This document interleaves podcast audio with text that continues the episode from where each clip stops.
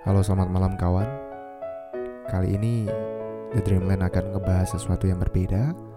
Kalau biasanya aku ngebahas tentang curhatan-curhatannya orang lain. Kali ini kita akan ngebahas tentang dunia yang berbeda gitu.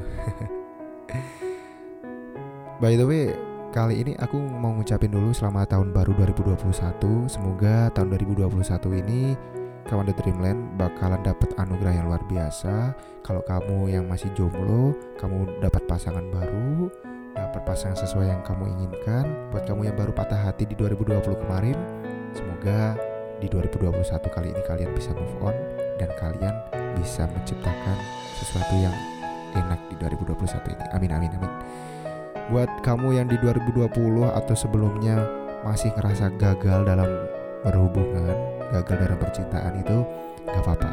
Kali ini kita mulai bangun di 2021 kali ini dengan suasana yang nyaman. Katanya cinta itu adalah anugerah. Bener gak sih? Kebanyakan orang bilang kalau cinta itu memang anugerah. Nah kali ini kalau kita ngomongin tentang cinta ataupun perasaan suka terhadap seseorang, gimana sih anugerah itu datang tapi secara diam-diam gitu. Nah, ini sama kayak yang mau aku angkat nih kali ini, yaitu cinta dalam diam. Pernah gak sih kamu ngerasain cinta dalam diam gitu?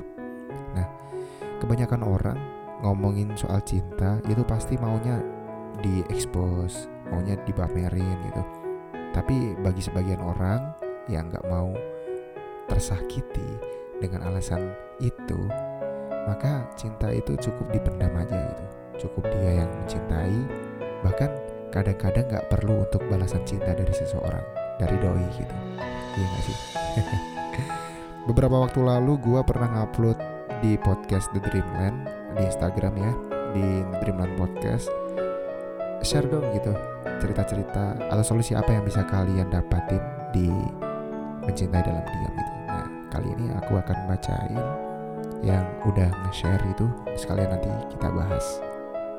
Yang pertama ada dari Ed Syafirafa Mending fiksi tapi indah daripada kenyataannya baik gitu. Nah ngomongin soal cinta dalam diam gitu Mencintai dia dalam diam Itu mending yang fiksi-fiksi gitu. Ini pernah sih uh, beberapa temen aku ngerasain Kadang uh, kalau kita udah mencintai dia, mencintai doi Itu mending ngebayangin yang imajiner gitu Yang enak buat dilakuin tapi sebenarnya enggak gitu. Ketika kita melakukan sesuatu dengan dia tapi justru tidak sesuai dengan harapan itu malah jadi sakit gitu. Mending kita bayangin aja yang enggak pasti. Cukup di imajinasi kita aja nggak usah dilakuin itu lebih enak daripada nanti tahu kenyata kenyata kenyataannya malah just daripada nanti kita daripada nanti kita tahu bahwa kenyataannya adalah pahit gitu Yang kedua dari Mia DN.mrln gitu. Ya, soalnya kalau nanti dibicarain nanti orangnya jadi risih gitu. Kebanyakan orang mencintai dalam diam itu uh, alasannya juga ada karena risih. Karena ada yang karakteristiknya orang itu takut diekspos, ada yang juga gak mau diekspos itu. Jadi cukup aku dan kamu aja yang tahu gitu. Ada loh orang-orang yang seperti itu. Yang ketiga ada dari Ed Roni Haikal. Katanya diam itu emas, lebih baik mencintai dalam diam daripada mencintai dalam-dalam. Wih, bener juga kata kata orang tuh kalau kita udah mencintai dalam diam itu banyak juga itu langsung otomatis gitu kita mencintai dalam-dalam. Tapi ketika kita mencintai dalam-dalam kita harus tahu resiko yang dihadapi dong ya. Ketika nanti dia gak jodoh sama kita, ketika dia memilih untuk pergi, ya kamu harus terima resiko. Tapi ketika kita mencintai dalam diam itu rasanya tuh seperti kepuasan sendiri gitu. Daripada kita harus mencintai dalam-dalam yang ujungnya harus sakit hati lagi gitu. Bahkan banyak juga yang mencintai dalam diam. Contoh kasusnya gitu contoh kasusnya. Ketika kita mencintai seseorang tapi seseorangnya itu udah mencintai orang lain udah punya orang lain. Nah mendingan kita mencintai dalam diam. Cukup kita aja yang tahu. Daripada orang lain atau doi juga tahu yang akan merusak hubungan orang lain iya gak sih?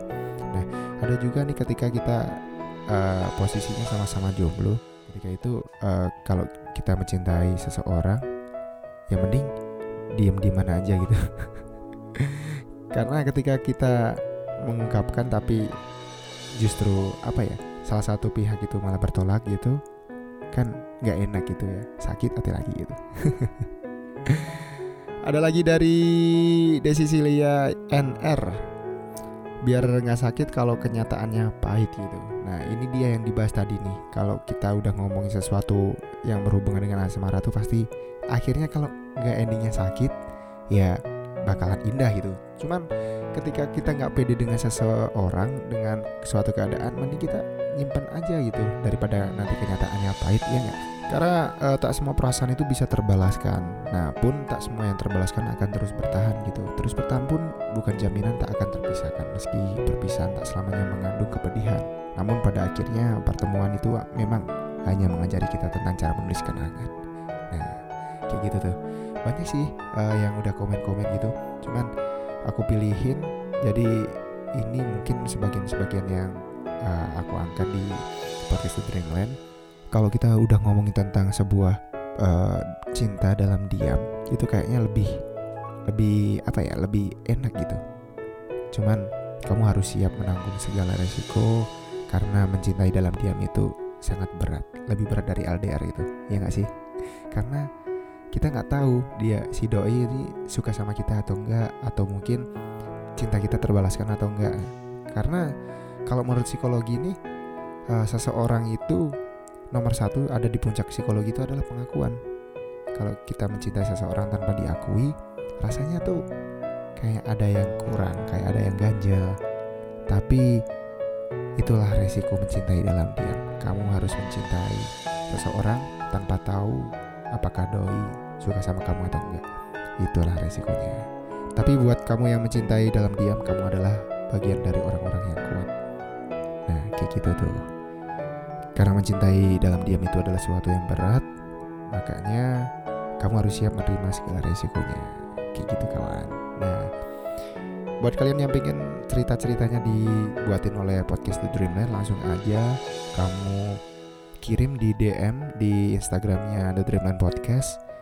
Kamu bisa menceritakan segala keluh kesahmu di situ nanti bikinin nanti bakal dibikinin sama podcast The Dreamland. So terima kasih kali ini cukup sekian aja deh uh, pembahasan tentang mencintai dalam diam.